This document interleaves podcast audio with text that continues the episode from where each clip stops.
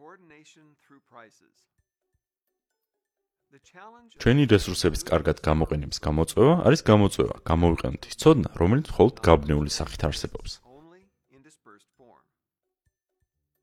ეს არის მთავარი მესიჯი ფრიდრიხ ჰაიეკის წერილსა ცოდნის გამოყენება საზოგადოებაში.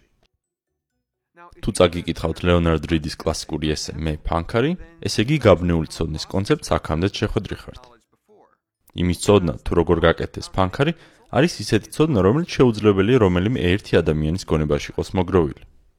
ეს ცოდნა განსხვავებული ხალხის დიდ მასებში პატარა ნაწილებადაა გაბნეული. ეს კონცეფტი ჰაიეკის ესეს ფოკუსს წარმოადგენს, სადაც ის ვარაუდობს, რომ გაბნეული ცოდნა არის ყველაზე მნიშვნელოვანი ფაქტორი ცივილიზაციის გაჩენის უკეთ გასაგებად. ადამიანის უნარი კოორდინაცია გაუწიოს ინდივიდუალურ გეგმებს, საშუალებას იძლევა ადამიანების ქსელმა იცოდნენ, როგორ გააკეთონ ისეთი რაღაცები, რაც შეუძლებელია იცოდეს ერთმა ინდივიდმა, ან თუნდაც ადამიანთა ჯგუფმა. როცა ადამიანის მოქმედების შედეგად რაიმე თანმიმდევრულად ჩდება, როგორც აფანქრის შექმნა, ბუნებრივია ვიფიქროთ, რომ ვიღაც არსებობს, ვინც ეს წესრიგი სწორედ ასე დაგეგმა. ეს კი გვაფიქრებინებს, რომ ის თუ რამდენად კარგად გამოვიყენებთ ჩვენს რესურსებს, დამოკიდებულია იმაზე, რამდენად კარგები არიან ჩვენი მთავარი დამგეგმავები. Ჰაიეკის მტკიცების მიხედვით, პარადოქსულია, მაგრამ მსგავსი ეფექტური წესრიგის შექმნა მთავარ დამგეგმავებს არასოდეს შეუძლიათ. რადგან ის ცოდნა, რაც ასეთ მგეგმავებს სჭირდებოდათ ეფექტური მუშაობისთვის, ცენტრალიზებული ფორმით არ არსებობს. could be made available in a centralized form. ზოგი ცოდნა არის მხოლოდ ფრაგმენტი იმ ცოდნის, რასაც ერთმანეთთან დაკავშირებული ბევრი განსხვავებული ინდივიდი ფლობს. თუ რესურსების ეფექტურად გამოყენებისთვის საჭირო ინფო ასეთი ფორმით არსებობს, მაშინ ეკონომიკური აქტივობის იმგვარი დაგეგმა, რომლის შედეგადაც ასეთ ფანქარს მივიღებთ, ვერასოდეს დაიგეგმება ერთი ცენტრიდან. ეფექტური დაგეგმა შესაძლებელია დაიწყოს მხოლოდ ყველაზე ქვედა დონის, ძალიან ბევრი ადგილობრივი დაგეგმავის მიერ. და ჰაიეკის მტკიცებით სწორედ ასეთი ცოდნა საჭირო თანმიმდევრული კოორდინაციის მისაღწევად. ეს არ არის ცენტრალიზებული ცოდნა, ეს გაბნეული ცოდნა, რომელიც არ არის მეცნიერული, აბსტრაქტული ან ზოგადი.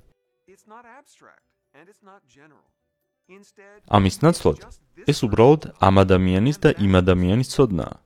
იმის შესახებ თუ როგორ შეიცვალოს მუდმივად, ნაბიჯ-ნაბიჯ, ისე რომ შეძლოს გააგრძელოს თავის საქმის კეთება პროდუქტიულად, დროისა და ადგილის კონკრეტული გარემოებების გარდაუვალი ცვლილების გათვალისწინებით. ანუ ეფექტური ეკონომიკური დაგეგმისთვის საჭირო ცოდნა ადამიანებისთვის ხელმისაწვდომია მხოლოდ ლოკალიზებულად, გაბნეული ფორმით. მაგრამ თუ ეკონომიკური დაგეგმისთვის საჭირო ერთადერთი ცოდნა მხოლოდ გაბნეული ცოდნაა, მაშინ როგორ ახერხებენ ადამიანები ერთმანეთთან კოორდინაციას რაღაცების გასაკეთებლად, მაგალითად ფანქრის შესაქმნელად? ეს ჰაიეკის ერთ-ერთი საუკეთესო დაკვირვებაა. ის რაც ადამიანებს საშუალებას აძლევს დაგეგმონ რესურსების გამოყენება და დაუკავშირონ ერთმანეთს საკუთარი გეგმები, ანუ ის რაც მთელ ამ ქსელის ერთიანობას უზრუნველყოფს, არის ფასების სისტემა. ფასების სისტემა ის ენაა, რომელზეც დამგეგმავები გზავნიან და იღებენ მესიჯებს იმაზე, თუ რა რესურსებს რა ფასი აქვთ და მხოლოდ ეს მესიჯები საკმარისია იმისთვის, რომ მათ იცოდნენ, როგორ შეცვალონ საკუთარი გეგმები.